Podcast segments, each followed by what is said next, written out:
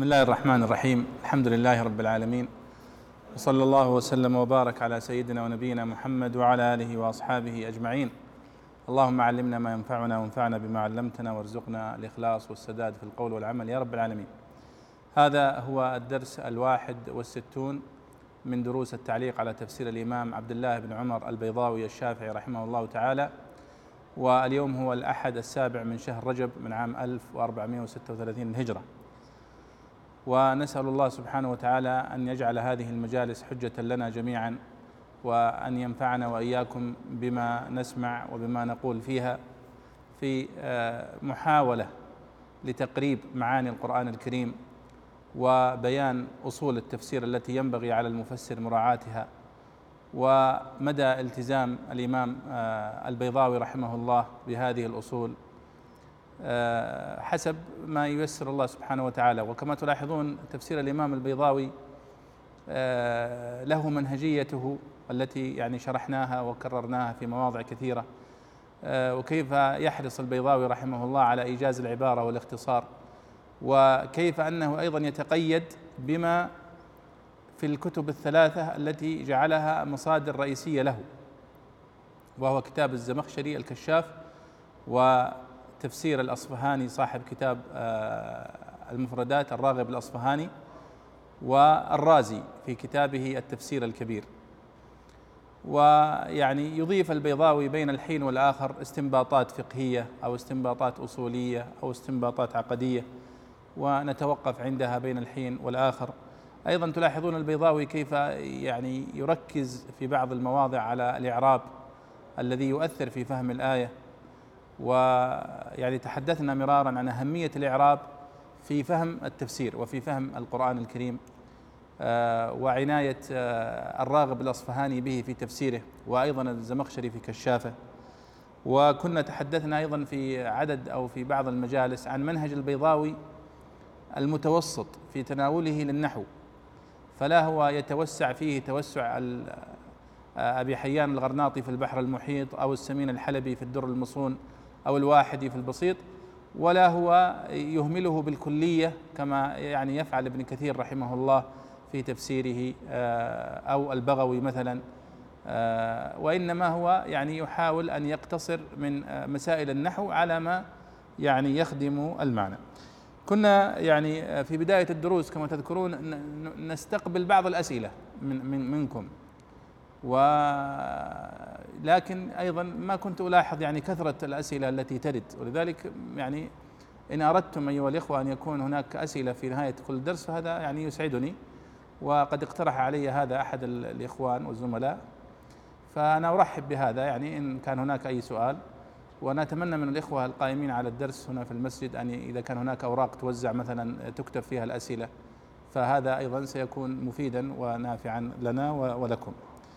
آه، طيب كنا انتهينا في المجلس الماضي أيها الإخوة آه، عند التعليق على كلام الإمام البيضاوي رحمه الله عن الآية العظيمة الجامعة في سورة البقرة وهي قول الله تعالى ليس البر أن تولوا وجوهكم قبل المشرق والمغرب ولكن البر من آمن بالله واليوم الآخر إلى آخر الآية.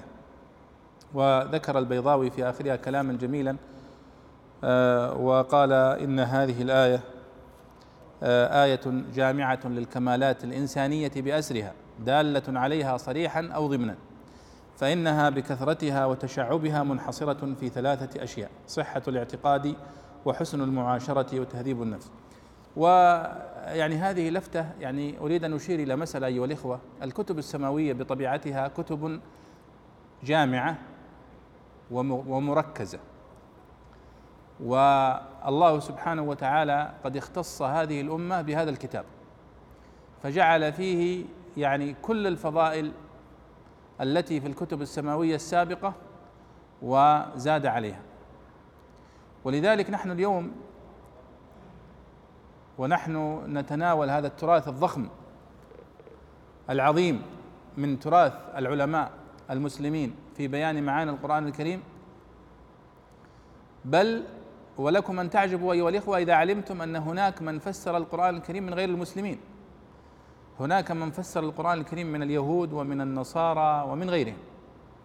وكتبوا في بعض معاني القرآن الكريم بعضهم وبعضهم كتب فيه كتابة كاملة تفسيرا كاملا. كل هذا التراث الضخم يدور حول هذا النص أو هذا الوحي السماوي العظيم المختصر الجامع لكل هذه الكمالات التي مرت في الكتب السماوية السابقة وأضاف إليها. ولذلك لما تأتي مثل هذه الآية الجامعة في الكتاب الجامع أصلا القرآن الكريم كله هو كتاب مركز. وتلاحظون في الأحكام التي ترد في القرآن الكريم كيف يعرضها الله سبحانه وتعالى. اولا تلاحظون أنه ليس في القرآن الكريم سور مخصصة للعبادات وسور مخصصة للأخلاق وسور مخصصة للقصص. لا يوجد هذا اليس كذلك. وإنما امتزجت كلها مع بعض. فتجد الآية فيها أحكام فقهية وفيها أحكام عقدية وفيها أحكام أخلاقية وفيها تربية وفيها قصص. تم يمتزج بعضها ببعض. وهذا أيضا من أوجه إعجاز القرآن الكريم.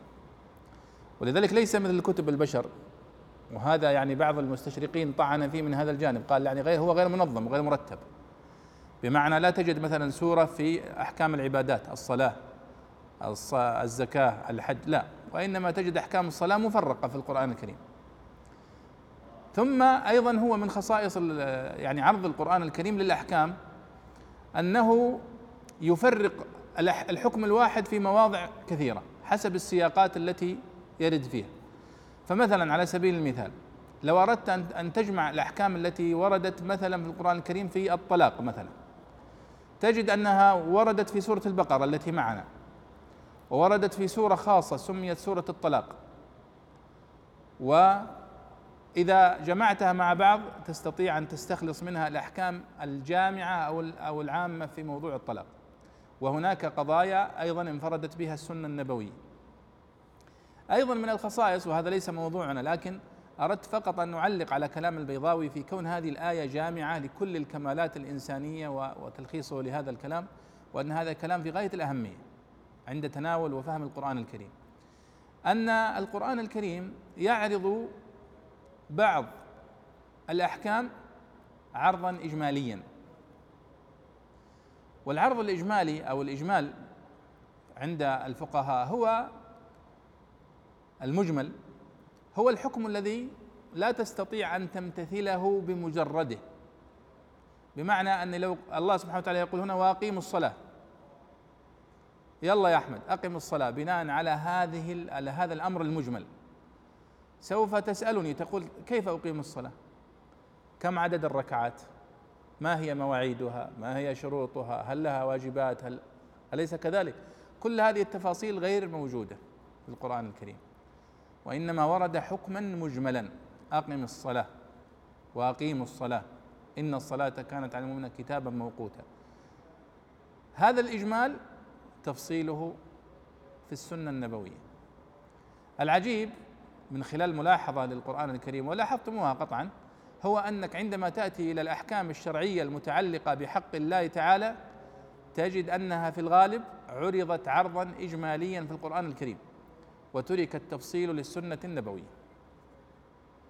الصلاة الزكاة الحج الصيام. انظر إلى كل هذه الأحكام المتعلقة بحق الله سبحانه وتعالى تفصيلها في السنة النبوية. أما الحقوق المتعلقة ب حقوق الناس فقد وردت في القرآن الكريم مفصلة. لاحظوا مثلا في القرآن الكريم آية الدين. فيها تفصيل دقيق أليس كذلك؟ تأتي عند آه، آية مثلا اللعان مثلا. آيات المواريث في سورة النساء. فصلت كل ما يتعلق بالمواريث. حتى لا يقع هناك أي خصام.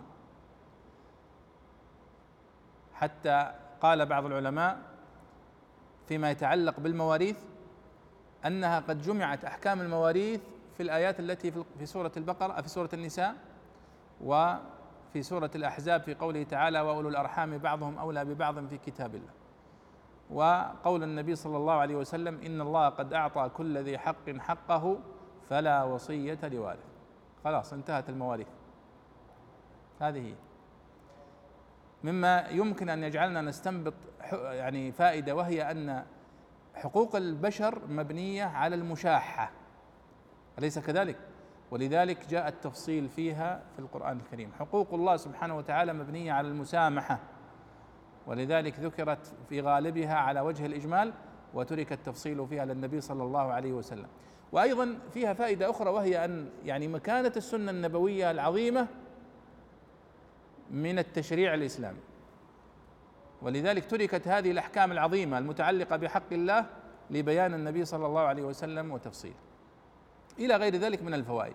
هذه الآية في قول ليس البر أن تولوا وجوهكم كما مر معنا آية عظيمة. ينبغي على المسلم أن يتوقف عندها ويتأمل في معانيها ويقرأ في كتب التفسير الأخرى. يعني لو تقرؤون تفسير هذه الآيات في الجامع لأحكام القرآن القرطبي لوجدتم فيها مسائل كثيرة جدا. تقرأ هذه المسائل أو هذه الآية في سورة وهذا من الفوائد ايها الاخوه أيضا وهو من الأساليب المفيدة لطالب العلم في قراءة التفسير وفي دراسته.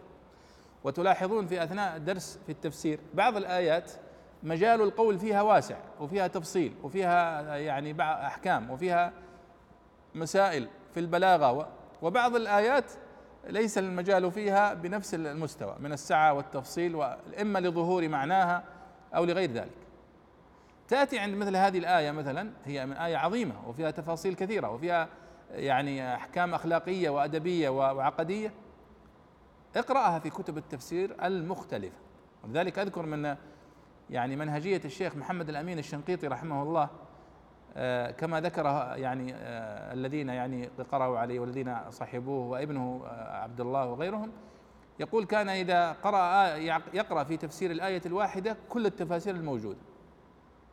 وهذا أسلوب جميل من أساليب التفسير. ويعني يزيد جمالا إذا استطعت أن تقرأ كلام المفسرين في الآية الواحدة على ترتيب العصور. فتأتي على هذه الآية العظيمة مثلا فتقرأ فيها كلام الصحابة رضي الله عنهم وكلام التابعين واتباع التابعين وهكذا حتى اليوم. فتلاحظ كيف تطور وكيف أضاف اللاحق على السابق في فهمهم لهذه الآية. وقد صنع الإخوة في مركز مبدع في المغرب برنامج جميل جدا سموه الجامع التاريخي للقرآن الكريم.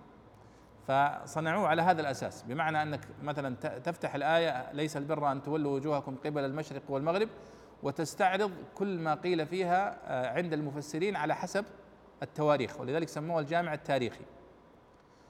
فهذه يعني تفيد الباحث في أنه يتدرج ويرى كيف أضاف المتأخر على الأو على السابق كيف كان المتقدمون يكتفون بالإشارة الدالة واللمحة وكيف جاء المتأخرون فوسعوا هذا الكلام المختصر وأضافوا استنباطات وأضافوا قضايا كثيرة. وأيضا هناك فائدة يعني سيستفيدها الباحث وهي التفريق بين التفسير وما زاد على التفسير. التفسير هو بيان المعنى.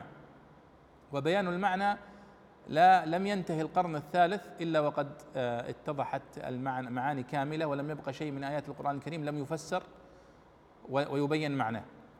لكن باب الاستنباط أوسع من باب التفسير. باب الاستنباط واسع إلى اليوم. يأتي بعض المستنبطين اليوم بفوائد واستنباطات لم يخطر على بال ابن عباس ولا على على بال علي بن أبي طالب رضي الله عنهم أجمعين. ولذلك قال علي رضي الله عنه هذه الكلمة علي بن أبي طالب عندما سأله أحدهم وقال يا أمير المؤمنين هل خصكم رسول الله صلى الله عليه وسلم بشيء؟ أنتم يا أهل البيت؟ فقال علي رضي الله عنه لا. والذي برأ النسمة وفلق الحبة. ما خصنا رسول الله صلى الله عليه وسلم بشيء إلا ما في هذه الصحيفة وأشار إلى صحيفة فيها بعض الأحكام معروفة عند الفقهاء والمحدثين أو فهما يؤتيه الله أحدا في كتابه. يعني هذا فتح من الله سبحانه وتعالى قد يفتح على المتأخر بما لم يفتح على المتقدم. وباب الفهم والاستنباط أيها الإخوة باب واسع عظيم. قد يفتح الله على المتأخر ما لا يفتح على المتقدم وقد يفتح على قليل الفهم ما لا يفتح على الذكي. واسع أو حاد الذكاء. فهذا فضل من الله سبحانه وتعالى وقسم الله سبحانه وتعالى الأرزاق في هذا. ولذلك أذكر بعض الأبيات الجميلة يقول وقسمة الحظوظ أيضا تدخل في كل ما من شأنه ينعقل. يعني في الأشياء الفهم. فيحرم الذكي من فهم الغبي إلى آخر الأبيات. فيعني أحيانا يأتي الإنسان العادي بفهم دقيق ويغيب هذا عن العالم الذكي النحرير. طيب نعود أيها الإخوة إلى الآية التي معنا اليوم وهي قوله تعالى يا أيها الذين آمنوا كتب عليكم القصاص في القتلى الحر بالحر والعبد بالعبد. وتلاحظون من هنا والآيات التي سبقت تبدأ الآن الحديث أو الآيات التي فيها التشريع وفيها الأحكام في هذه السورة العظيمة. وهذه من خصائص السور المدنية بالمناسبة أن خصائص السور المدنية أنه ورد فيها التشريع الأحكام الشرعية في الحدود والقصاص والطلاق وما يتعلق بها والوصية. وهذه في العادة لا تكون هذه الأحكام إلا في المجتمعات المستقرة والمجتمعات التي فيها استقرار وفيها حكم. بخلاف حال المسلمين في أول الإسلام كانوا يعني أقلية في مكة ليس لهم قوة وليس لهم دولة فما كانت هذه الأحكام مناسبة أنها تنزل في ذلك الوقت. لما استقر الأمر في المدينة بدأت تنزل هذه الأحكام وهذه يعني القوانين إن صح التعبير. طيب بسم الله. تفضل يا شيخ أحمد. يا أيها الذين آمنوا كتب عليكم القصاص. بسم الله والحمد لله والصلاة والسلام على رسول الله صلى الله عليه وسلم. قال الإمام البيضوي رحمه الله في تفسير قول الله عز وجل يا أيها الذين آمنوا كتب عليكم القصاص في القتلى الحر بالحر والعبد بالعبد والأنثى بالأنثى فمن عفي له من أخيه شيء فاتباع بالمعروف وأداء إليه بإحسان ذلك تخفيف من ربكم ورحمة فمن اعتدى بعد ذلك فله عذاب أليم. يا أيها الذين آمنوا كتب عليكم القصاص في القتلى الحر بالحر والعبد بالعبد والأنثى بالأنثى. كان في الجاهلية كان في الجاهلية بين حيين من أحياء العرب دماء. وكان لأحدهما طول على الآخر. فأقسموا لنقتلن الحر منكم بالعبد والذكر بالأنثى. فلما جاء الإسلام تحاكموا إلى رسول الله صلى الله عليه وسلم فنزلت.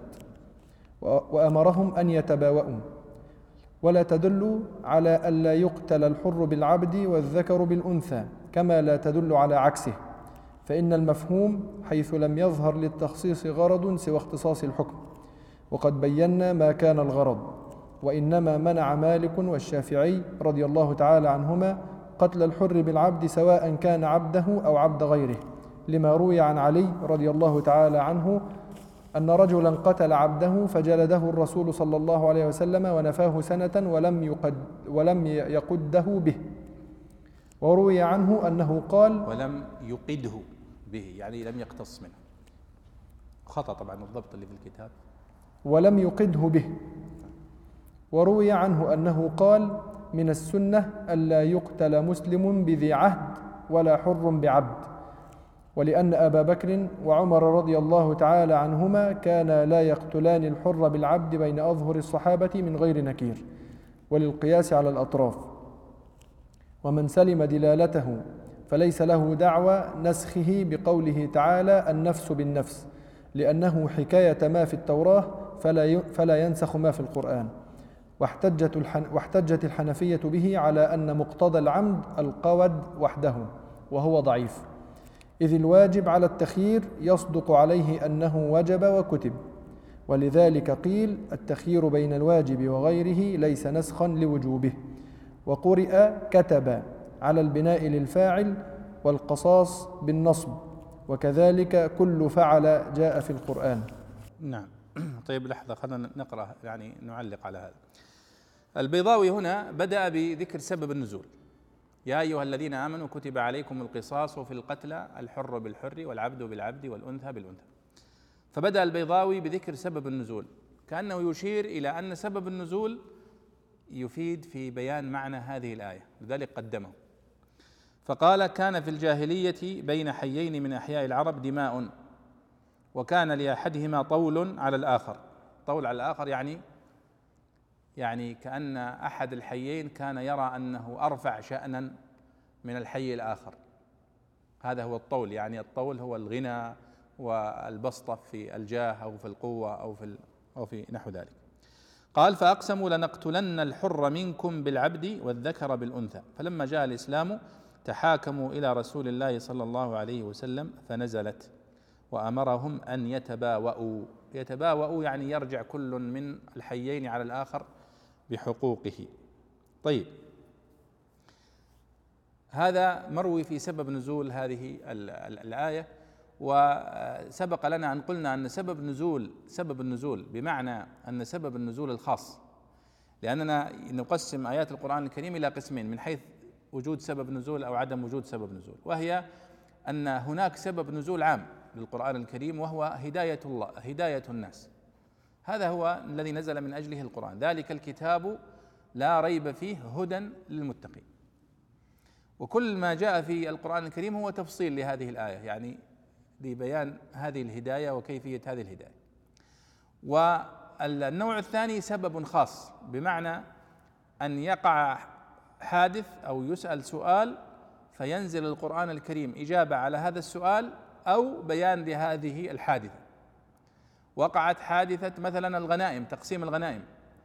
فلم يعرف النبي صلى الله عليه وسلم والصحابة كيف يقسمون هذه الغنائم. فنزلت سورة الأنفال. يسألونك عن الأنفال. واضح فيها أنه كان إجابة على سؤال. يسألونك عن الأنفال قل الأنفال إلى آخره. واضح هذا؟ الآيات التي كان لها سبب نزول خاص قليلة. قليلة لا تتجاوز يعني بعضهم يقول لا تتجاوز عشرة في المية بعضهم يقول ثلاثة عشر في المية من مجموع آيات القرآن الكريم كاملة. البقية نزلت ابتداء هداية من الله سبحانه وتعالى. هذه الآية قد تكون نزلت لسبب خاص وإن كان هذا الحادث الذي ذكروه هو حادث قديم متقدم على يعني آه، بعثة النبي صلى الله عليه وسلم. وهو أنه كان وقع بين هذين الحيين. بعض المفسرين يذكر أنهم بين بني قريظة وبني النضير من من يعني قبائل اليهود. كان بينهم هذا هذا الثأر وهذا القتل. وكان يعني بنو النضير يرون أنفسهم يعني أعلى من بني قريظة. فلما جاء النبي صلى الله عليه وسلم واحتكموا إليه ونزل نزلت هذه الآية. وقد قلنا أن يعني أسباب النزول وصيغ أسباب النزول مرت معنا في محاضرات سابقة الصيغ الصريحة لسبب النزول والصيغ غير الصريحة. مثل أنه وقع كذا وكذا فنزلت. فنزلت هذه الصيغة الصريحة وهذه الصيغة هي من الصيغ الصريحة في معاني أو في أسباب النزول. مما يدل على أن هذه الحادثة فعلا كانت سببا مباشرا في نزول هذه الآية. واضح هذا يا شباب؟ إذا هذا المسألة الأولى. المسألة الثانية آه وأيضا نلاحظ أيها الإخوة كيف كانت هذه الآية. طبعا تلاحظون هذه الآية من الآيات العظيمة آية القصاص لأنها تضع الأمور في نصابها فيما يتعلق بالدماء. وهذه من القضايا المهمة جدا في المجتمع التي إذا اختلت وقعت الفوضى في المجتمعات. عندما يقع الظلم في هذا الجانب يقتل الإنسان الفقير أو الضعيف فلا يقتص من قاتله بحجة أن إنسان من أبناء الذوات. ولذلك النبي صلى الله عليه وسلم قال هذا. قال عليه الصلاة والسلام عندما جاء آه، زيد يشفع في فاطمة. عفوا في في المخزومية. لأنها سرقت. واحدة من بني مخزوم وهي بطن من بطون قريش. يعني لهم مكانتهم. ومنهم علي منهم آه، خالد بن الوليد رضي الله عنه وغيره. فيعني استحوا من النبي صلى الله عليه وسلم. من يشفع في في في هذه المخزومية؟ وقد رفع الأمر إلى النبي صلى الله عليه وسلم. فكلموا زيد وهو كان يحبه النبي صلى الله عليه وسلم كثيرا. فلما يعني تكلم معه قال تشفع في حد من حدود الله؟ يعني هذه مسألة خطيرة. والله لو أن فاطمة بنت محمد وحاشاها والله لو أن فاطمة بنت محمد سرقت لقطعت يدها. ثم قال كلمة مهمة جدا. قال إنما أهلك من كان قبلكم أنهم كانوا إذا سرق فيهم الشريف تركوه. وإذا سرق فيهم الضعيف أقاموا عليه الحد. يعني الميزان مائل. الضعيف والمسكين يقام عليه الحد. وتطبق عليه القوانين. والغني والشريف وصاحب الواسطة وصاحب العلاقات يعفى عنه. هذا هذا من أسباب انهيار المجتمعات. ولذلك لما جاءت هذه ولكم في القصاص قال كتب عليكم القصاص في القتلى. فقوله كتب هنا فرض. وحتى هذا التعبير جاء في القضايا العظمى في كتب عليكم الصيام ونحوه. واضح هذا؟ طيب. آه ثم ذكر البيضاوي آه مسألة أخرى. قال وهي مسألة تدل على الاستنباط الفقهي من هذه الآية. فقال ولا تدل على أن لا يقتل الحر بالعبد والذكر أو الذكر بالأنثى كما لا تدل على عكسه فإن المفهوم حيث لم يظهر للتخصيص غرض سوى اختصاص الحكم وقد بينا ما كان الغرض. ماذا يقصد البيضاوي بهذا الكلام؟ يقول الآية الآن تقول كتب عليكم القصاص في القتلى. نقطة. واضح هذا؟ هذا قانون. أن الله سبحانه وتعالى كتب القصاص في القتلى. كل قاتل يقتل قتيلا عمدا ففيه القصاص. يقتل به. ثم فصلت الآية وأضافت بعض التفاصيل. فقال كتب عليكم القصاص في القتلى القتلى الحر بالحر والعبد بالعبد والأنثى بالأنثى. الحر بالحر واضحة والعبد بالعبد يعني المملوك العبد المملوك. بالعبد المملوك. والأنثى بالأنثى المرأة بالمرأة. طيب هل معنى الآية أن الرجل لا يقتل بالمرأة؟ رجل قتل امرأة فهل يقتل الرجل؟ رجل حر قتل رجلا مملوكا هل يقتل؟ رجل قتل امرأة فهل يقتل الرجل؟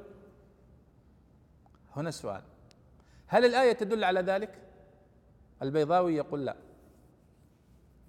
البيضاوي قال ولا تدل على أن لا يقتل الحر بالعبد والذكر بالأنثى كما لا تدل على عكسه ليش طيب؟ قال فإن المفهوم حيث لم يظهر للتخصيص غرض سوى اختصاص الحكم. هذه مسألة أصولية وسبق أن تحدثنا في أهمية مباحث الألفاظ في التفسير وفي أصول الفقه. كيف؟ الآن دلالة الدلالة دلالة الألفاظ في العربية يقسمها العلماء باعتبارات كثيرة. منها دلالة المنطوق ودلالة المفهوم. دلالة المنطوق. قالوا هو دلالة اللفظ في محل النطق. فمثلا في قوله سبحانه وتعالى على سبيل المثال ولا تقل لهما اف دلالة المنطوق تدل على إيش؟ على تحريم التأفف. صح؟ ودلالة المفهوم هي دلالة اللفظ لا في محل النطق. وإنما فيما يفهم منه. فإذا قلت لك الآن لا يجوز ضرب الأم. لا يجوز ضرب الأم. بدلالة قوله تعالى فلا فلا تقل لهما أف. لأنه إذا كان حرم الله سبحانه وتعالى أن تقول لها أف أو للوالد فمن باب أولى انه يحرم ما ما فوق ذلك مثل الشتم أو السب أو الضرب. هذه دلالة هذه الآية على تحريم الشتم وتحريم السب وتحريم الضرب بدلالة المفهوم وليست بدلالة المنطوق. واضح هذه؟ هذه واضحة أليس كذلك؟ المفهوم يقسمه العلماء إلى قسمين مفهوم موافقة ومفهوم مخالفة. فمفهوم الموافقة هو أن يكون المفهوم موافقا لمعنى المنطوق. نفس في نفس الآية اللي معنا الآن. فلا تقل لهما أف يحرم التأفف منهما. ويحرم السب ويحرم الضرب وكلها هو مفهوم ولكنه موافق لمفهوم الموافقة. لذلك وافق المأخوذ من الفهم ما أخذ من النطق في التحريم كل هذه الأنواع. مفهوم المخالفة بالعكس أن يكون ما فهم بعكس ما نطق به. فمثلا في قوله سبحانه وتعالى هنا كتب عليكم القصاص في القتلى الحر بالحر. طيب مفهوم المخالفة؟ أنه لا يقتل إذن الحر إذا قتل مملوكا أو عبدا. هذه مفهوم مخالفة. هل دلالة مفهوم المخالفة هنا صحيحة أو لا؟ قالوا لا. لأن يشترط لدلالة يعني مفهوم الموافقة عند العلماء جميعا أنه حجة. مفهوم المخالفة عند أكثر العلماء وعند جمهورهم أنه حجة. الحنفية لا يحتجون بمفهوم المخالفة. قالوا مثال على سبيل على سبيل المثال إذا كان مفهوم المخالفة جاء على سبيل الغالب فلا يعتبر دليلا وحجة. مثال ذلك. يا أيها الذين آمنوا لا تأكلوا الربا أضعافا مضاعفة. مفهوم الآية أنه يجوز أن تأكل الربا إذا كان ضعف واحد. أما إذا كان أضعاف مضاعفة فلا يجوز. هذا هو مفهوم المخالفة. أضعاف مضاعفة إذا مفهوم المخالفة ضعف واحد ما في مشكلة. هل هذا صحيح؟ نقول لا. يحرم أكل الربا مطلقا. طيب وش معنى أضعافا مضاعفة؟ قالوا لأنه خرج مخرج الغالب على أحوال الناس في ذلك الوقت. واضح هذا؟ مثلا أو أن يكون خرج آه، مخرج أيضا مثل قوله سبحانه وتعالى عندما ذكر المحرمات من النساء فقال أو وربائبكم اللاتي في حجوركم من نسائكم اللاتي دخلتم بهن. معنى الآية أن يحرم على الرجل أن ينكح ابنة زوجته من غيره يعني واحد تزوج واحدة وعندها بنت كبيرة في السن يعني في سن الزواج هل يجوز له أن ينكح هذه البنت؟ الجواب لا. طيب الآية وضعت قيدا قالت وربائبكم اللاتي في حجوركم يعني ذكر شرط أنها لازم تكون يعني تربت في في حجرك في بيتك بمعنى يعني معنى المخالفة أو مفهوم المخالفة. إذا كانت زوجتك عندها بنت ولكنها لم تتربى في في حجرك فلا حرج في أن تنكحها. نقول لا لا يجوز للرجل أن يتزوج بابنة زوجته على أي حال سواء تربت عنده في بيته أو تربت في غيره. طيب وش الفائدة من قوله ربائكم في حجوركم؟ قالوا لأن هذا خرج مخرج الغالب. واضح هذا؟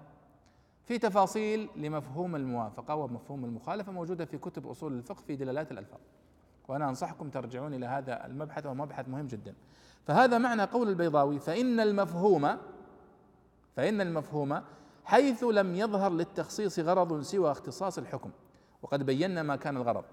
يعني يقول نحن في سبب النزول بينا الغرض من قوله تعالى الحر بالحر والعبد بالعبد والأنثى بالأنثى. حتى يقطع على أولئك الجاهليين هذه المفاضله والتفاوت. فالله أكد قال الحر بالحر والعبد بالعبد كلكم زي بعض. ما في التفاوت إن والله حر أفضل من حر أو مملوك أخ... لا. واضح هذا؟ جميل. اذا هذا هو معنى قول البيضاوي فإن المفهوم له دلالة إلا إذا لم يظهر للتخصيص غرض سوى اختصاص الحكم. ونحن قد بينا ما كان الغرض فانتفى دلالة المفهوم في هذه الآية. واضح هذا يا شباب؟ الحمد لله. قال البيضاوي وإنما منع مالك والشافعي رضي الله تعالى عنهما قتل الحر بالعبد سواء كان عبده أو عبد غيره لما روي عن علي رضي الله تعالى عنه أن رجلا قتل عبده فجلده الرسول صلى الله عليه وسلم ونفاه سنة ولم يقده به. وروي عنه أنه قال من السنة أن لا يقتل مسلم بذي عهد ولا حر بعبد لأن أبا بكر وعمر رضي الله تعالى عنهما كانا لا يقتلان الحر بالعبد بين أظهر الصحابة من غير نكير. ولا القياس على الأطراف. ومن سلم دلالته فليس له دعوى نسخه بقوله تعالى النفس بالنفس. طيب ماذا يريد أن يقول؟ يقول الآن الآية تدل على أن كل واحد قتل عمدا فإنه يقتص منه. حر بحر يقتص منه. حر بعبد يقتص منه. امرأة بامرأة يقتص منها رجل بامرأة يقتص منه. كلهم. طيب لأنه هو نفى دلالة المفهوم هنا. طيب فقال له قائل كأن قائل قال له طيب الآن الإمام مالك والشافعي منعوا أن يقتل الحر بالعبد. فيقول صحيح لكن ليس لأنهم فهموا هذا من هذه الآية. أجل من وين فهموها؟ قال فهموها من حديث آخر. قال وإنما منع مالك والشافعي رضي الله تعالى عنهما قتل الحر بالعبد سواء كان عبده أو عبد غيره. يعني الآن هناك من العلماء من يقول إذا كان الحر قتل عبده يعني واحد عنده عبد مملوك له فقتله. يقتص منه.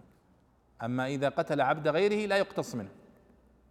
لماذا قالوا؟ لقول النبي صلى الله عليه وسلم في الحديث الذي رواه أحمد من قتل عبده قتلناه ومن جدعه جدعناه.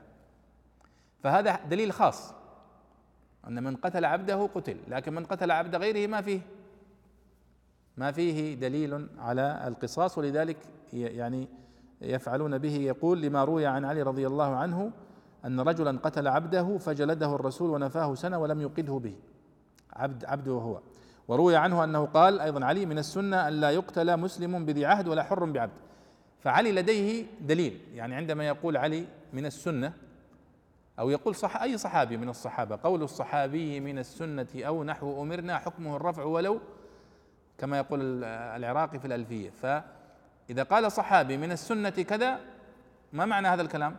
معناه أنه مرفوع إلى النبي صلى الله عليه وسلم. فإذا منع الشافعي ومالك من أن يقتل الحر بالعبد ليس لدلالة هذه الآية وإنما لحديث خارج هذه الآية. وهذا حتى يفهم الواحد منا أيها الإخوة كيف يفهم الفقهاء ويفهم العلماء النصوص الشرعية. يعني الآن لو أتيت تقول الآن استدل مالك والشافعي بهذه الآية على أنه لا يقتل حر بعبد.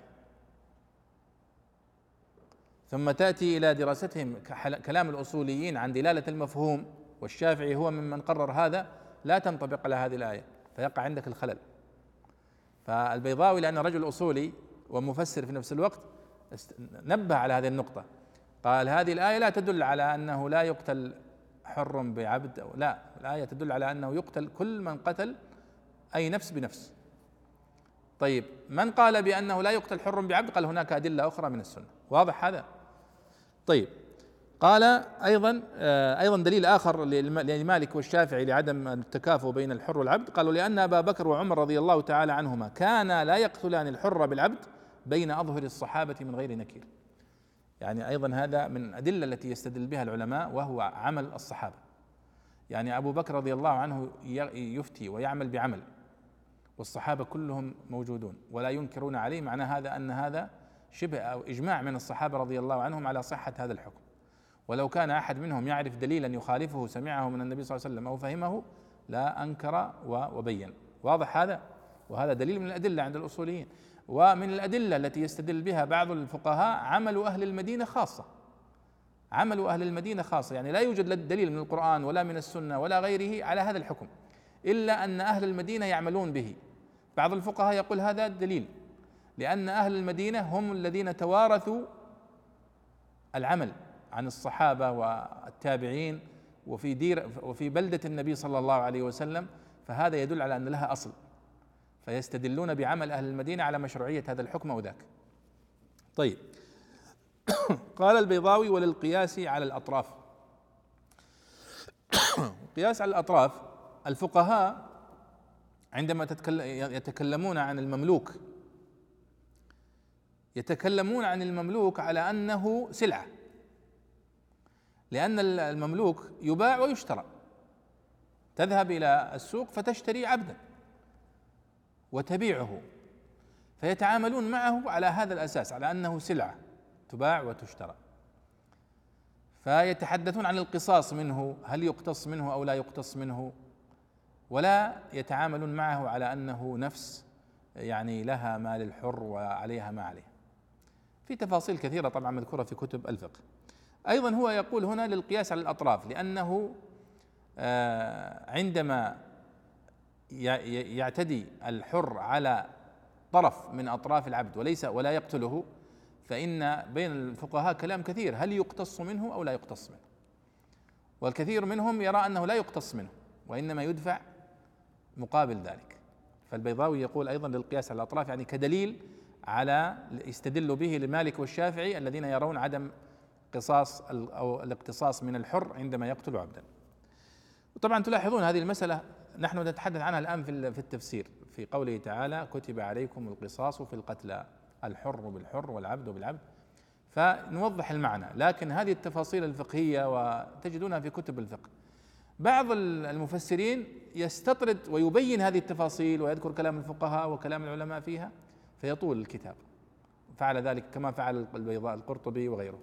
ومنهم من يكتفي ببيان المعنى ويذكر ويترك التفاصيل لكتب الفقه قال البيضاوي هنا ومن سلم دلالته فليس له دعوى نسخه بقوله تعالى النفس بالنفس لأنه حكاية ما في التوراة فلا ينسخ ما في القرآن ماذا يعني؟ يعني يقول الآن نحن تكلمنا وقلنا أن ليس هناك دلالة لمفهوم المخالفة في الآية صح؟ ليس معنى الآية أنه لا يقتل الحر بالعبد. لا الآية تدل على أنه يقتل الحر بالعبد والرجل بالمرأة وإلى آخره. لكن هناك من الفقهاء ومن العلماء ومن المفسرين من يرى دلالة مفهوم المخالفة في هذه الآية الحر بالحر فقط. ولذلك عندما يقتل الحر عبدا لا يقتص منه بدلالة هذه الآية. فيقول البيضاوي من سلم دلالته يعني من يرى الاستدلال به على مفهوم المخالفة من الفقهاء فليس له دعوى نسخه بقوله تعالى النفس بالنفس لأنه حكاية ما في التوراة فلا ينسخ ما في القرآن كيف؟ يعني الآن هذه الآية في سورة البقرة وهناك آية أخرى في سورة آه، المائدة في قوله تعالى وكتبنا عليهم فيها في يتكلم عن التوراة وعن بني إسرائيل وكتبنا عليهم فيها أن النفس بالنفس والعين بالعين والأنف بالأنف والأذن بالأذن والسن بالسن والجروح قصاص.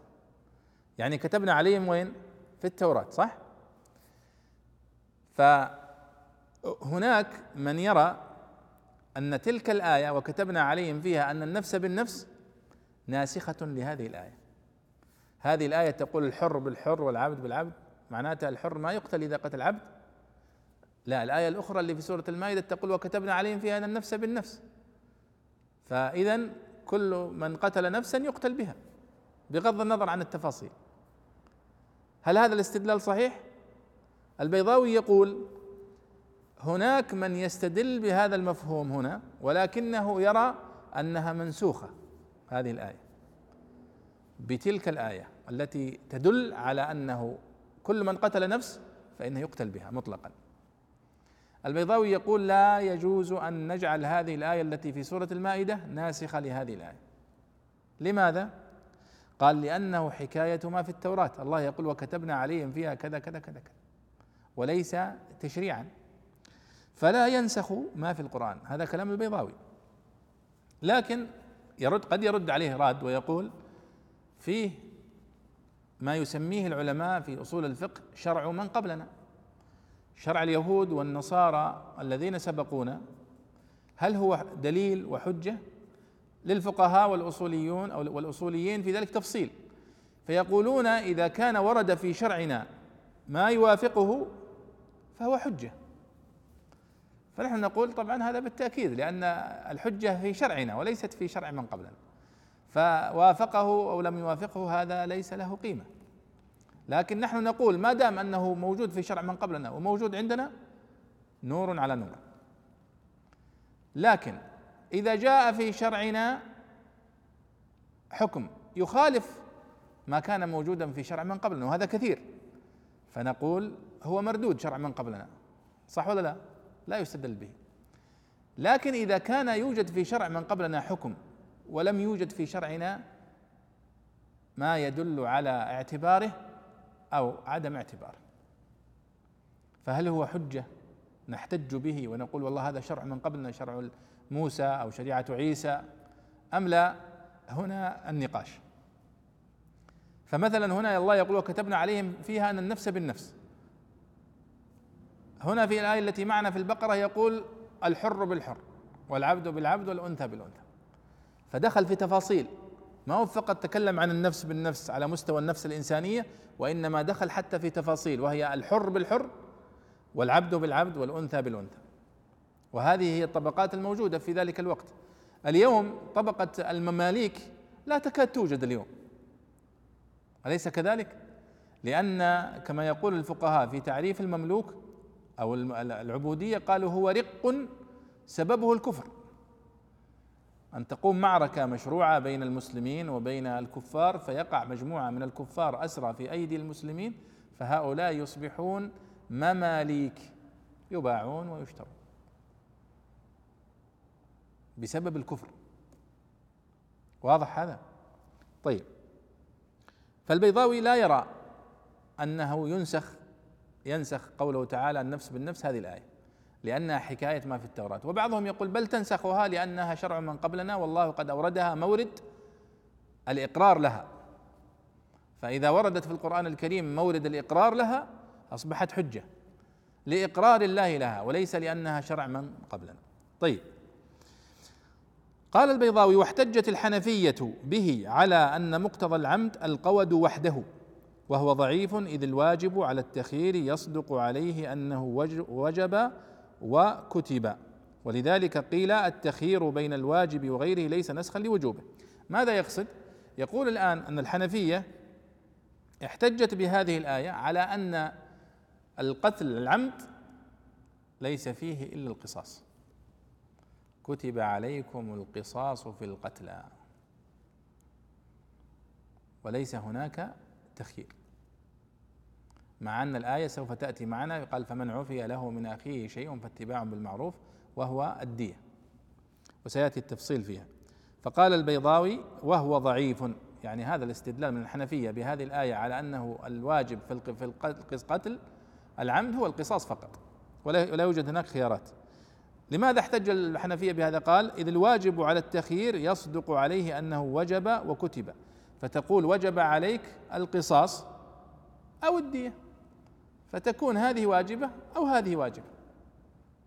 ولا يمنع أنه ورد التخيير الوجوب.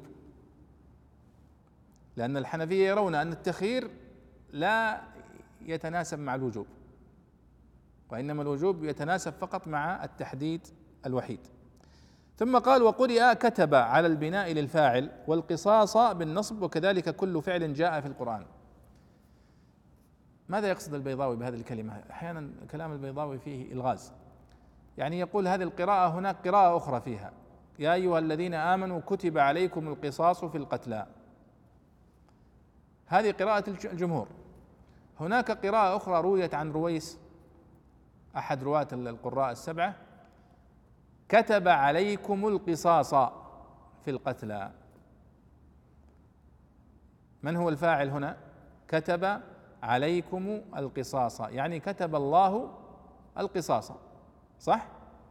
وإذا قلنا كتب عليكم القصاص يصبح القصاص نائب فاعل مرفوع علامة رفع الضمة. كتب الله عليكم القصاص القصاص مفعول به مرفوع منصوب علامة نصب الفتح. طيب قال البيضاوي وكذلك كل فعل جاء في القرآن. ماذا يقصد البيضاوي؟ يقصد أن كل فعل ورد في القرآن الكريم مبنيا للمجهول. ومقصودا به الله سبحانه وتعالى فقد ورد فيه قراءة ببنائه للمعلوم ونصب نائب الفاعل. بس. وهذا تجدونه في كثير من القرآن الكريم. آه، في آيات مثل كتب عليكم القصاص كتب عليكم الصيام و ونحوها من الآيات التي نائب الفاعل أو الفاعل فيها هو الله سبحانه وتعالى. أمثلة كثيرة لكن يعني ما ما تحضرني.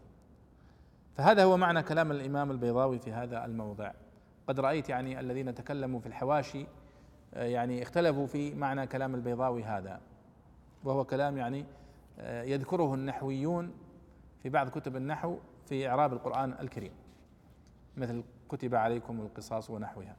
طيب. آه اقرأ يا أحمد فمن عفي له من أخيه شيء. قال رحمه الله فمن عفي له من أخيه شيء أي شيء من العفو لأن عفا لازم.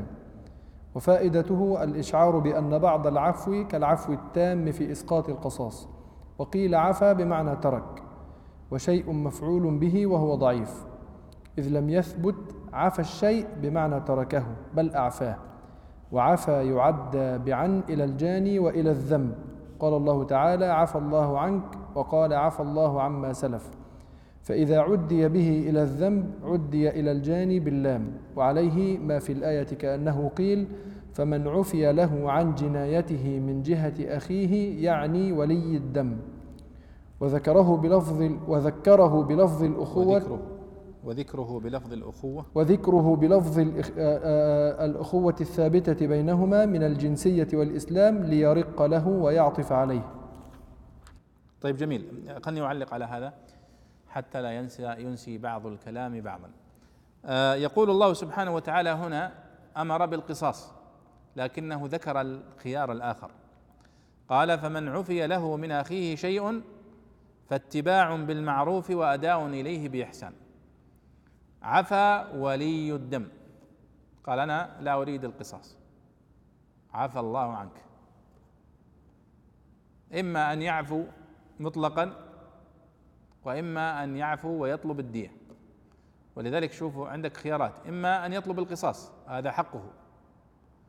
والقصاص فيه معنى كما تلاحظون المماثلة. لأن القص فيه معنى المماثلة. تتبع الأثر فيه معنى المماثلة. آه، قص الأثر. وق- وقلنا لأخته قصيه تتبعي أثره. والقصص هو مأخوذ من هذا. كأنك عندما تقص القصة تتتبع نفس السيناريو الخاص بالقصة. ففيه معنى القصص والمماثلة والتتبع. فهذا هو الخيار الأول. كتب عليكم القصاص في القتلى. الخيار الثاني العفو. والخيار الثالث أن تأخذ الدية. تعفو وتأخذ الدية. هذا كله مشروع. وهذا من توسعة الله سبحانه وتعالى على هذه الأمة. ولاحظوا يعني كيف كانت بعض الأمم السابقة مثل سيذكرها ال- ال- ال- البيضاوي أنه كان عند اليهود أظن القصاص وحده وعند النصارى الدية وحدها. فجاء الإسلام بها كلها. إن شئت القصاص فلك ذلك إن شئت أن تأخذ الدية لك ذلك إن شئت أن تعفو فلك ذلك. طيب البيضاوي يقول فمن عفي له من أخيه شيء أي شيء من العفو. لأن عفا لازم فمن عفي له من أخيه. انتهى المعنى. لأنه يقول إن عفا لازم. ما معنى عفا لازم؟ يعني أن عفا من الأفعال اللازمة. وليس من الأفعال المتعدية والأفعال اللازمة هي الأفعال التي تكتفي بالفاعل. بس. هذا فعل لازم. فعل متعدي يحتاج إلى مفعول به. ثم قد يكون يحتاج إلى مفعول به أول مفعول به ثاني مفعول به ثالث. مثلا إذا قلنا نجح الطالب. خلاص. جملة مفيدة صح؟ هذا فعل لازم. نجح الطالب. في الاختبار. فاز المجتهد. هذا فعل لازم. عفا ولي الدم. عفا ولي الدم. فعل لازم. فهو يقول هنا فمن عفي له من أخيه شيء أي شيء من العفو لأن عفا لازم. ولاحظوا هنا كيف يفهم الكلام. لأن عفا فعل لازم. اذا تفسير الآية فمن عفي له من اخيه شيء أي شيء من العفو. أو لنفترض أن رجلا قتل قتيلا وأولياء الدم كثيرون. عفى واحد منهم بس. سقط القصاص. وجبت الدية. يعني مثلا الآن لو قتل قتيل وله مئة وارث يطالبون بالقصاص فواحد قال أنا عفوت أنا أريد الدية. وتسعة وتسعين يريدون القصاص. القاضي يحكم بالدية. وتسعة وتسعين هذولا يذهب صوتهم. لاحظوا كيف تفهم الأحكام الفقهية. قال فمن عفي له من أخيه شيء. قال لأن عفا لازم. وطبعا النوع الثاني من أنواع الفعل الفعل المتعدي مثل قتل اللص البريئة أو ضرب المعلم التلميذ أو ضرب التلميذ المعلمة زي ما هو ساير اليوم وهكذا. طيب قال وفائدته لاحظوا وفائدته الإشعار بأن بعض العفو كالعفو التام في إسقاط القصاص. يعني عفو واحد من الورثة يسقط القصاص. آه، وقيل عفا بمعنى ترك. وشيء مفعول به وهو ضعيف إذ لم يثبت عفى الشيء بمعنى تركه بل عفا لاحظوا أيضا هذا يتعلق بما يتعلق بالدلالة في اللغة يعني الآن أردنا أن نفهم عفا هنا أين من أين نفهمها؟ نذهب إلى معاجم اللغة المعتمدة ونبحث هل عفا في دلالتها تأتي لازمة وإلا متعدية؟ فإذا وجدنا أن هنا أنها لازمة في كل كلام كل العرب إذا نرفض القول بأنها متعدية في تفسير أي مفسر من المفسرين. يأتيك بعض المفسرين مثلا فيفسرها على أنها متعدية من الصحابة أو التابعين. نقول قوله حجة في اللغة ابن عباس أو سعيد بن جبير أو قوله ما دام قالها صحابي أو تابعي فقوله حجة في اللغة ونعتبر دلالتها اللغوية إذا قالها صحابي أو تابعي. طيب ولذلك البيضاوي ذكرها بصيغة التمريض قال وقيل عفا بمعنى ترك. وهي تأتي فعلا عفا لكنها تأتي من عفا الأثر. كما أن تقول مثلا عفت الريح الأثر. عفت الريح الأثر بمعنى محته. لكن بمعنى العفو والصفح لازم وليس متعدي طيب وعفا يعدى بعن إلى الجاني وإلى الذنب. يعني يقصدون بالافعال يتعدى هنا بحرف الجر. فهي يعني مصطلح آه، نحوي وليس يعني دلالة لغوية. يعني مثلا قلنا نجح الطالب هذا فعل لازم. لكن نقول نجح الطالب في الامتحان. صح؟ فنعدى بحرف الجر في.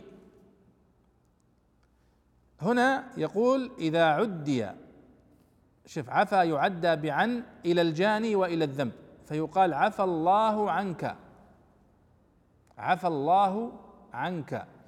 فعدي بحرف عن إذا تعدى إلى الجاني عفى الله عنك. أو عفى الله عن ما سلف يعني عن الذنب نفسه فيعدى بعن إذا عدي إلى الجاني نفسه أو عدي إلى الذنب.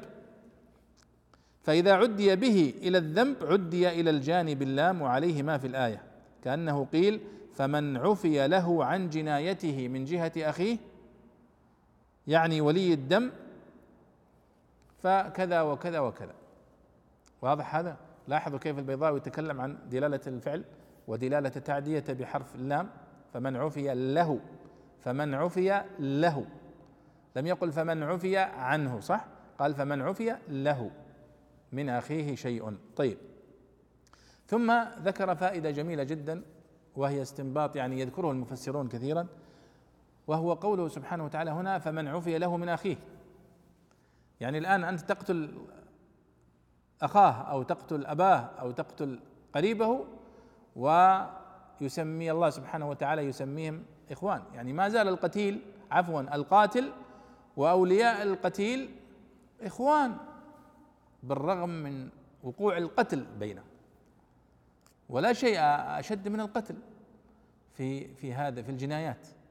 يعني تكاد تكون رأس الجنايات وهي جريمة القتل.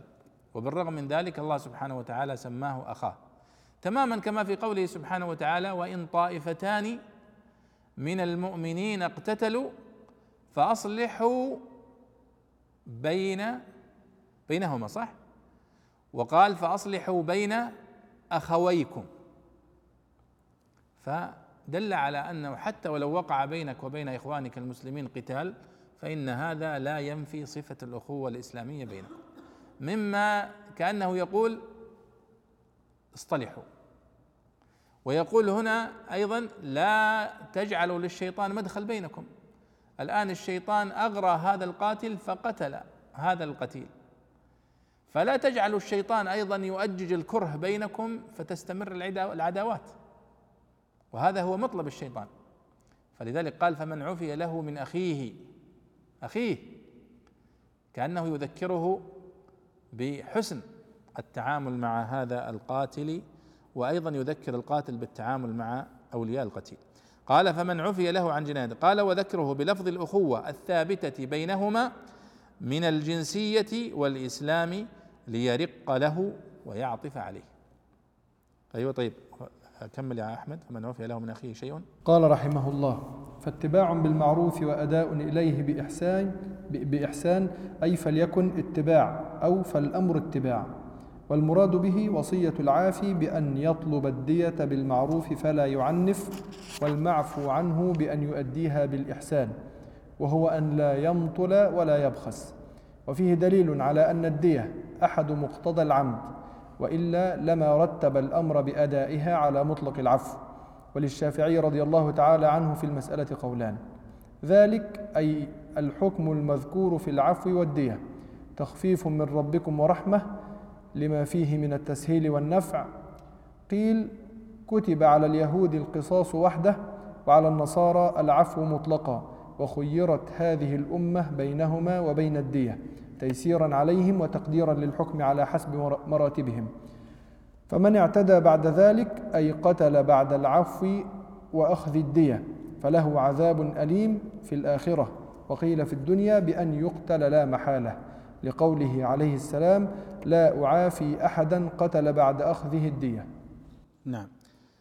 قال الله سبحانه وتعالى فمن عفي له من أخيه شيء فاتباع بالمعروف وأداء إليه بإحسان. يعني إذا عفى أولياء الدم أو بعضهم عن أخذ عن القصاص فاتباع بالمعروف وأداء إليه بإحسان. فاتباع بالمعروف هذا أمر لأولياء الدم. يعني يطالبون القاتل بالدية بالمعروف. وأداء إليه بإحسان هذا خطاب للقاتل أن يؤدي الدية بإحسان. قال هنا أي فليكن اتباع أو فالأمر اتباع. يعني هناك تقدير للنحويين. قوله فمن عفي له من أخيه شيء فاتباع. اتباع هنا ما هو إعرابها؟ بعضهم يقول أنها مبتدأ. يعني فالأمر اتباع. عفوا خبر. الأمر اتباع. وإما أن تكون خبر كان فليكن اتباع. هذا التقدير النحوي. وهذا تجدونه كثير في كتب التفسير. المختصرة والمتوسطة والموسعة. لأن الأمر لا يتم أو لا يفهم إلا بهذا التقدير النحوي. قال والمراد به وصية العافي الذي عفى عن الدم يعني بأن يطلب الدية بالمعروف فلا يعنف. يعني كيف؟ تعرف بعضهم أحيانا يعفو عن القاتل ولكنه يكثر من الامتنان عليه ويذله ويقول أحمد ربي أني عفيت عنك. أنت الآن نجوت بنفسك. ادفع. وكما يفعل البعض الآن يغالون. ويقول أنا مستعد أعفو عنك بس تدفع عشرين مليون. أو تدفع ثلاثين مليون. ويعني يدخل الناس في في يعني مغالاة في الديات. ونحن نشكو في مجتمعنا كنا ولا زلنا نشتكي من مغالاة الناس في المهور. وأصبحنا اليوم نشتكي من مغالاة الناس في المهور ومن مغالاة الناس في الديات. كل يوم نشوف إعلان هذا يقول 10 مليون وهذا يقول 12 مليون وهذا 14 مليون. صارت المسألة سمسرة. ويعني خرجت عن حدودها المشروعة المقبولة التي أشار الله سبحانه وتعالى إليها هنا. والدية محددة. دية الرجل يعني بعضهم يذكر أنها مئة من الإبل أو ثمانمائة من الإبل أو نحو ذلك بحيث أنها لا تصبح أيضا عقوبة على أولياء القاتل وتكون ممكن أن يستطيع أن يوفرها ويدفعها. أما أن تصبح الدية آه، يعني عبء وعلى العصبة كاملة. يعني الآن عندما يقتل قاتل فيأتون ويقولون لعصبته وقبيلته كلهم ساعدونا في الدين عشرين مليون. فيدفع كل واحد من من هذه القبيلة مبلغا حتى يستطيع أن يسدد هذا المبلغ الضخم. هذا أيضا لا يجوز ولا ولا يعني يشرع في مثل هذه الحالات. فالله سبحانه وتعالى يقول فاتباع بالمعروف. المعروف الذي لا منكر فيه ولا فيه منة على القاتل ولا في إهانة له ولا في إذلال لأن الشيطان يدخل في هذه التفاصيل. فقد يستفز القاتل أحد أولياء الدم فيقتله. فتصبح المسألة يعني ثارات. وهذا للأسف الشديد يقع ويحدث. وقال وأداء إليه بإحسان أي لأولياء آه، لصاحب أو للقاتل أمره الله سبحانه وتعالى بأن يؤدي الدية بإحسان كما أحسن إليه هؤلاء بالعفو عنه وعن قتله والقصاص منه ف فليؤدي هذه الدية بإحسان ومعروف أيضا. ولذلك يمكن أن نقول أيها الإخوة من باب الالتماس للتعبير بقوله سبحانه وتعالى فأداء إليه فاتباع بالمعروف وأداء إليه بإحسان. لماذا قال في أولياء القتيل اتباع بالمعروف؟ وقال عن صاحب القاتل أداء إليه بإحسان. قيل لأن المشروع في حق أولياء القتيل هو المعروف. أن يتبعوا وأن يطالبوا بالدية بالمعروف. وأما المشروع في حق القاتل فإنه أداء الدية ليس بالمعروف وإنما بالإحسان وهو ما فوق المعروف لأن الذين صنعوا فيه المعروف هم أولياء القتيل وليس هو الذي صنع فيهم المعروف وإنما هم الذين صنعوا فيه المعروف فكان جزاؤهم الإحسان وليس مجرد المعروف فقط. والبيضاوي يقول هنا والمراد به وصية العافي بأن يطلب الدية بالمعروف فلا يعنف والمعفو عنه بأن يؤديها بالإحسان وهو ألا يمطل ولا يبخس. يعني يدفعها في الوقت ويدفعها كاملة. وفيه دليل على أن الدية أحد مقتضى العمد. يعني لاحظوا هنا استنباط هذا استنباط من البيضاوي. فيه دليل هذه الآية على أن الدية أحد مقتضى العمد. يعني الآن إذا قتل القتيل عمدا فإن الدية أحد الخيارات التي ذكرها الله في الآية وهذا صحيح. وإلا لما رتب الأمر بادائها على مطلق العفو. وللشافعي رضي الله تعالى عنه في المسألة قولان. يعني يرى أن القصاص يجب ولا يجوز إلا آه، إلا القصاص وله رأي عفوا وله رأي أن الدية واجبة. يعني ليس لك أن تعفو مطلقا إما أن قصاص وإما أن تأخذ الدية. وله رأي آخر أن لك أن تعفو مطلقا دون أخذ دية. طيب. قال ذلك أي الحكم المذكور في العفو والدية تخفيف من ربكم ورحمة. لما فيه من التسهيل والنفع. قيل كتب على اليهود القصاص وحده وعلى النصارى العفو مطلقا وخيرت هذه الأمة بينهما وبين الدية تيسيرا عليهم وتقديرا للحكم على حسب مراتبهم. وهذا واضح طبعا أيها الإخوة يعني في هذا التوسيع الذي وسعه الله سبحانه وتعالى على هذه الأمة. وهذا الأمر ظاهر في في أمور كثيرة في الأحكام وفي العبادات. كيف أن الله سبحانه وتعالى رفع عن هذه الأمة الحرج.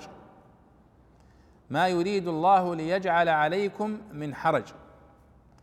توازن بين الشريعة الإسلامية وبين اليهودية والنصرانية وغيرها من الديانات. نحن في نعمة عظيمة وما كلفنا الله به يسير.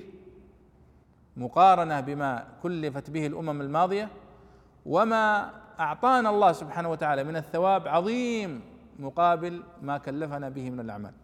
يعني خذ على سبيل المثال الصلاة. عندما فرض الله سبحانه وتعالى الصلاة ففرضها خمسين. فلما رجع النبي صلى الله عليه وسلم فأخبر موسى قال فرضت علي الصلوات خمسين. فقال له موسى ارجع إلى ربك فسأله التخفيف.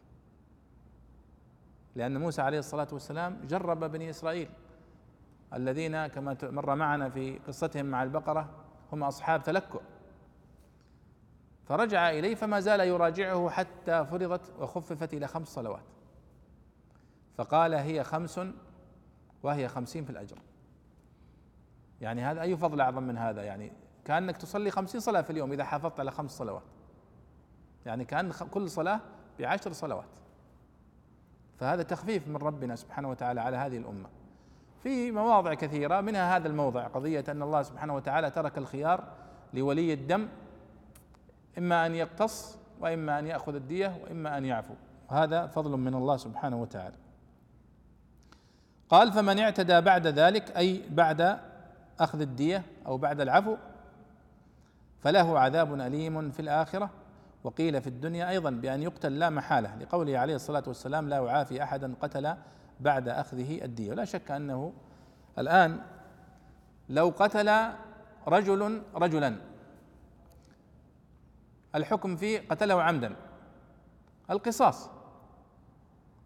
إلا إذا عفى أولياء الدم أو أحدهم قلنا الدية. طيب عفى أولياء الدم. أو رضوا بالدية. فلما أخذوا الدية قالوا والله لا يمكن نترك هذا. يقتل ولينا وناخذ ناخذ الفلوس أو ناخذ المال. فيقتلون القاتل. ياخذون الفلوس ثم يقتلونه. أو يعفون عنه ثم يغدرون به ويقتلونه. ما الحكم في هذه الحالة؟ قصاص من جديد. نفس الفكرة. فهذا هو معنى قولي فمن اعتدى بعد ذلك فاعتبر الله سبحانه وتعالى قتل هذا القاتل بعد العفو أو بعد أخذ الدية اعتداء ويدخل في القصاص.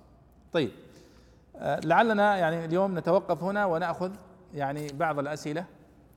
إكراما لكم ما دام اليوم يعني صار فيه أسئلة. يقول هنا آه، السلام عليكم ورحمة الله وبعد عندما يذكر البيضاوي في آيات الأحكام أقوال الأئمة ثم يعقب عليها بتضعيف هل يكون هذا هو رأي البيضاوي؟ نقول نعم يعني هذا الذي يظهر من منهج البيضاوي رحمه الله ومن منهجية المفسرين عموما أنه عندما يعقب بتضعيف أو بمخالفة فإنه يدل على أن هذا هو الرأي الذي يختاره المؤلف وقد بحثها الباحثون فيما يسمونه الاستدراكات. استدراكات البيضاوي على الزمخشري أو استدراكات الشنقيطي على البيضاوي ونحو ذلك. وفيها رسائل كثيرة يعني نوقشت وطبع بعضها وبعضها لم يطبع. يعني هي نوع من الاستدراك أو التضعيف أو نحو ذلك. فهذا نعم يعني السؤال نعم نقول البيضاوي هذا هو رأيه اذا كما مثلا على سبيل المثال عندما يقول البيضاوي معنا اليوم ومن سلم دلالته فليس له دعوى نسخه بقوله تعالى كذا النفس بالنفس لأنه حكاية ما في التوراة فلا ينسخ ما في القرآن. نقول إذن البيضاوي لا يرى أن قوله تعالى النفس بالنفس ناسخة لقوله تعالى الحر بالحر والعبد بالعبد. لماذا؟ لأن البيضاوي يرى أن هذا حكاية ما في التوراة وليس إقرارا من القرآن لهذا التشريع كتشريع لنا نحن المسلمين. فهذا كأنه هو رأي البيضاوي. ويصح أن تقول هذا. يقول ذكرتم أن هناك من فسر القرآن من غير المسلمين. هل هناك أمثلة على ذلك؟ وما الحكم إذا قتل رجل امرأة؟ نقول نحن الحكم أنه إذا قتل رجل حر مملوكا فإنه يقتل به على الصحيح. وأنه إذا قتل رجل امرأة فإنه يقتل بها على الصحيح. وهذه الآية كما قلنا دلالة مفهوم المخالفة لا تدل ليست حجة في هذا الموضع لأنها جاءت هذه الحر بالحر والعبد بالعبد لبيان سبب النزول لأن سبب النزول كان في هذا الفكرة أن كان هناك نوع من التفاضل ويعني آه عدم يعني آه ترك بعض القبائل يقتصون من بعض لأنهم يرون نفسهم يعني أنفسهم أرفع من تلك القبيلة فنزلت هذه الآية بهذا التصريح الحر بالحر والعبد بالعبد ونحو ذلك. وإلا ليس لها مفهوم مخالفة بمعنى أنه لا يقتل الحر بالعبد. طيب. أما قولك ذكرتم أن هناك من فسر القرآن من غير المسلمين؟ نعم كثير. يعني اليوم تجدون آه، بيانا وترجمة للقرآن الكريم باللغات آه، بالفارسية وبالإنجليزية وبالعبرية. والذين قاموا بذلك هم يهود ومستشرقون من النصارى ومن غيرهم. ولهم تعليقات وتفسيرات كثيرة. ومن المتقدمين كثيرون لكن لم تطبع كثير من تلك التفاسير. بمعنى أن يأتي أحد النصارى أو أحد اليهود ويفسر القرآن الكريم من ضمن المخطوطات لكنها لم تطبع. يعني وإنما المطبوع هو تفسيرات المسلمين. لكن تفسيرات غير المسلمين موجودة ولو ذهبت الآن إلى المكتبات غير الإسلامية مثلا في الكونغرس أو في آه، مكتبة برلين أو في مكتبة آه، جامعة بون أو في إكسفورد وغيرها تدخل المكتبة اللي باللغة الإنجليزية تجد هناك آه، تفسيرات وتعليقات كثيرة على آه، القرآن الكريم. وأذكر يعني من الطرائف وهذه يعني فوائدتين في فائدة أنصحكم بها. وهي كتاب السنة ومكانتها في التشريع الإسلامي. ما أدري هل أنا كنت أشرت إليه في محاضرة سابقة أو لا. هذا الكتاب أنا أنصحكم بقراءته. قراءة متأنية وفاحصة. السنة ومكانتها في التشريع الإسلامي. هذا الكتاب الحقيقة قرأته عدة مرات. ولدي طبعته القديمة التي طبعت عام 1405 في المكتب الإسلامي وطبع بعدها طبعات جيدة. وهو للدكتور مصطفى السباعي. هذا الكتاب مهم جدا أن تقرأوه وتطلعوا عليه. ذكر في مقدمته الدكتور مصطفى فيما أذكر أنه أكثر من طعن في حجية السنة المعتزلة من المتقدمين والباطنية آه، ومن المتأخرين المستشرقين والعلمانيين وغيرهم. فالمستشرقون دفع هذا الطعن الذي وجده آه، الدكتور مصطفى السباعي من المستشرقين من أمثال شاخت الألماني ومن أمثال آه، ماسنيون الفرنسي ومن أمثال جولد زيهر المجري اليهودي وغيرهم يطعنون في السنة. ويرون أن أبا هريرة رضي الله عنه كذاب. ويبالغون في ذلك لكي يطعنوا في السنة النبوية لأنهم يعرفون أنه هو أكثر من روى الأحاديث. ويبطلون كثير من الأحاديث بحجة أنها لا تتوافق مع العقل. فالدكتور مصطفى السباعي أراد أن يذهب ويزور أوروبا ويتعرف على المستشرقين في مواطن مواطنهم. يقابلهم ويشوف يعني وش وش المستشرقين هذول؟ فذهب وقابل عدد من المستشرقين في فرنسا وفي ألمانيا وفي هولندا وفي بريطانيا. فذكر من الطرائف يقول وجدت مستشرق مشهور جدا في مدينة جلاسكو جلاسكو أو في جامعة جلاسكو اللي في اسكتلندا. أظنها عاصمة اسكتلندا. في ويلز أظن أو كذا. فيقول فوجدت أن له درس لطلابه في الدراسات العليا في تفسير الكشاف. وهو لا يحسن قراءة مقالة قصيرة في جريدة باللغة العربية ويقرأ ويشرح لطلابه في الكشاف للزمخشري وقطع في ذلك شوط. وله نظائر كثيرون يعني يتكلمون في القرآن الكريم بغير علم. فهذا تعليق على قولي أن هناك من غير المسلمين من فسر القرآن الكريم أو تكلم فيه. طيب. يقول ما أفضل طريقة لتدرج للتدرج في معرفة علم التفسير؟ يعني هذا سؤال يتكرر كثيرا أيها الإخوة وهو دليل على الحرص على يعني دراسة التفسير وفهم معانيه. تلاحظون الآن كما يقول أحد العلماء أن علم التفسير ليس علما. لماذا؟ لأن علم التفسير في الحقيقة هو توظيف علوم الآلة في فهم معاني القرآن الكريم. عند الإعراب نلجأ إلى النحو عند بيان دلالات الألفاظ عفا وعفا ويعفو رجعنا إلى المعاجم وإلى اللغة والدلالة. عند اختلافات الفقهاء رجعنا إلى الفقه.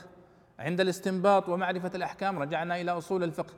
عند بيان أسباب النزول والاستدلال بالحديث النبوي رجعنا للسنة. وش ماذا بقي؟ هو مجموع كل هذا هو يسمى تفسيرا. لكن يقول الشيخ أبو محمد الطاهر بن عاشور إذا كان شرح الشعر وبيان معاني الشعر يسمى علما فالتفسير يسمى علم.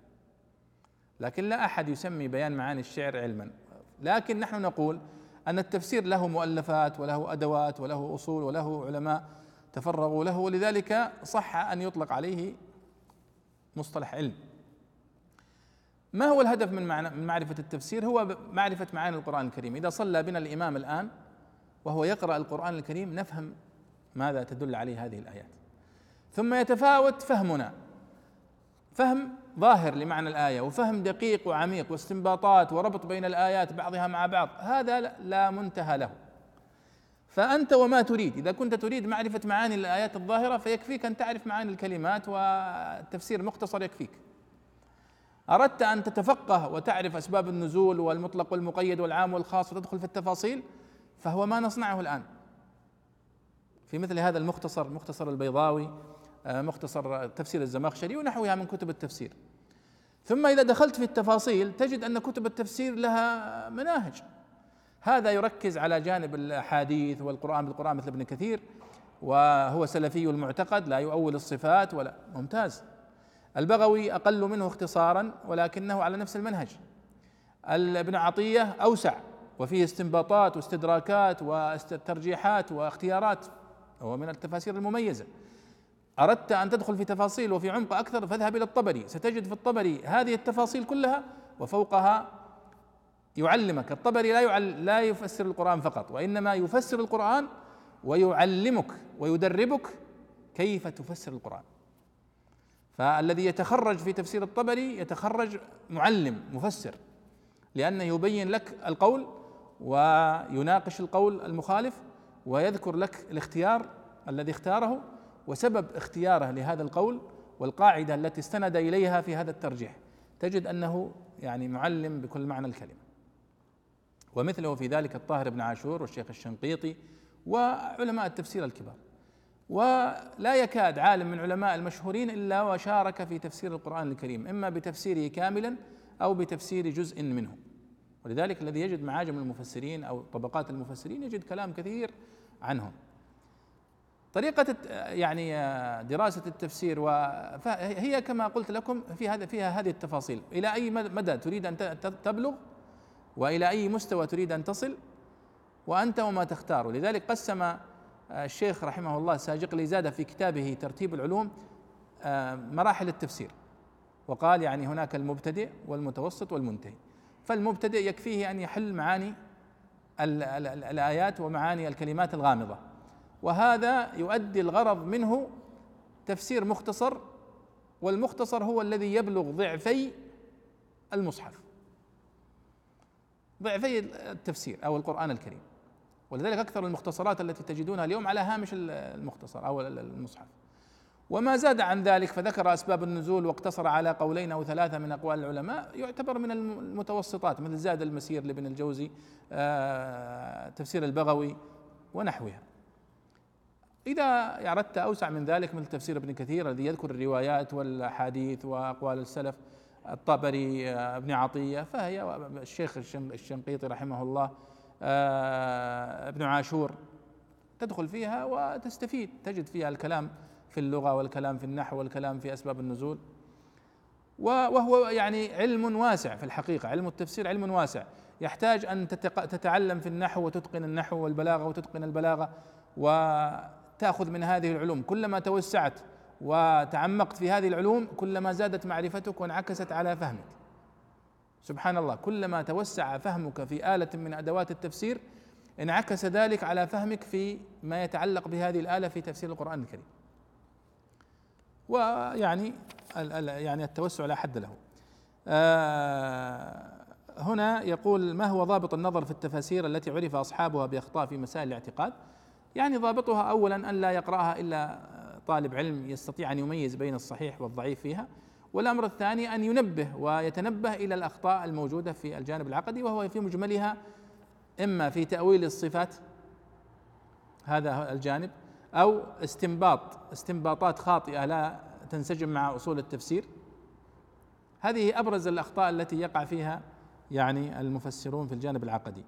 طبعا هذا إذا كان المخالفون مثلا كالأشاعرة ونحوهم مثل البيضاوي رحمه الله أو الزمخشري من المعتزلة، أما إذا كانوا باطنية كالرافضة والخوارج ونحوهم فهؤلاء تفسيرهم يكاد يكون تحريف وقلب تام لمعاني القرآن الكريم ولا يعني يعتبر تفسيرا. ما هو ضابط الاستنباط وهل لكل أحد أن يستنبط ما يراه في الآية أم هذا من باب القول بغير علم في القرآن؟ نعم صحيح. الاستنباط من القرآن الكريم هو استخراج ما خفي من معاني القرآن الكريم بطريق صحيح كيف؟ الآن لو جاء رجل وحفر بئرا وجد الماء بعد متر ونص لا يقال استنبط الماء هذا على طول أول ما حفر طلع الماء.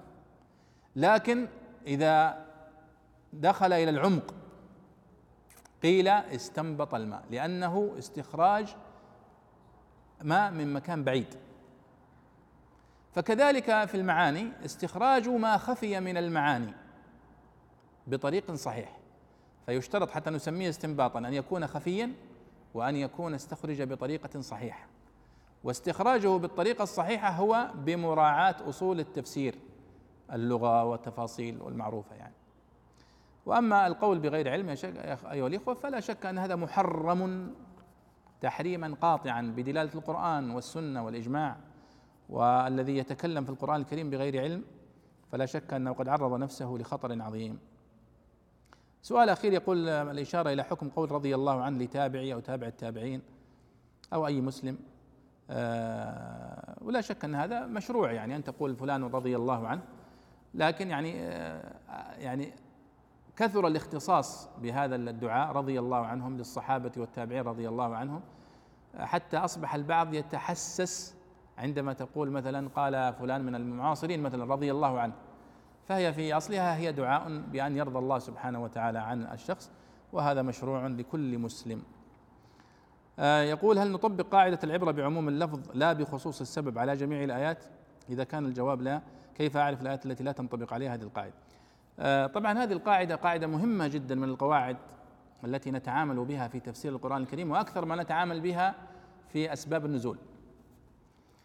العبرة بعموم اللفظ لا بخصوص السبب. أضرب لكم مثال. جاء رجلان من الصحابة رضي الله عنهم وقع بينهما أو وقع منهما ظهار من زوجاتهما. قال أحدهما لزوجته أنت علي كظهر أمي. فجاءت خولة رضي الله عنها تشتكي إلى النبي صلى الله عليه وسلم. وقالت يا رسول الله يعني فلان ظاهر مني. فنزل قوله تعالى والذين يظاهرون منكم من نسائهم إلى آخر الآيات. هذه الآيات نزلت في سبب خاص صح؟ وهي هذه القصة التي وقعت من الصحابي وزوجته رضي الله عنهما. هل هذا الحكم نقول هذا الحكم حكم الظهار خاص بفلان وفلانة وكل من وقع منهما ظهار بعد ذلك لا يدخلون تحت الحكم.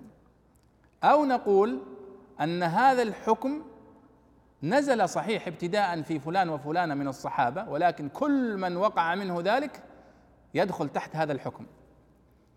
الجواب هو الجواب الثاني وهو أن هذا الحكم ينطبق على كل من وقع منه الظهار وأن العبرة بعموم اللفظ لا بخصوص السبب في مثل هذه الحالة. لكن هناك حالات تستثنى نقول فيها أن العبرة هي بخصوص السبب لعل إن شاء الله أشرحها في الدرس القادم بإذن الله تعالى لأن أيضا هناك سؤال آخر عن هذا وأجيب عن الأسئلة الأخرى ونكتفي بهذا وصلى الله وسلم على سيدنا ونبينا محمد وعلى آله وصحبه أجمعين.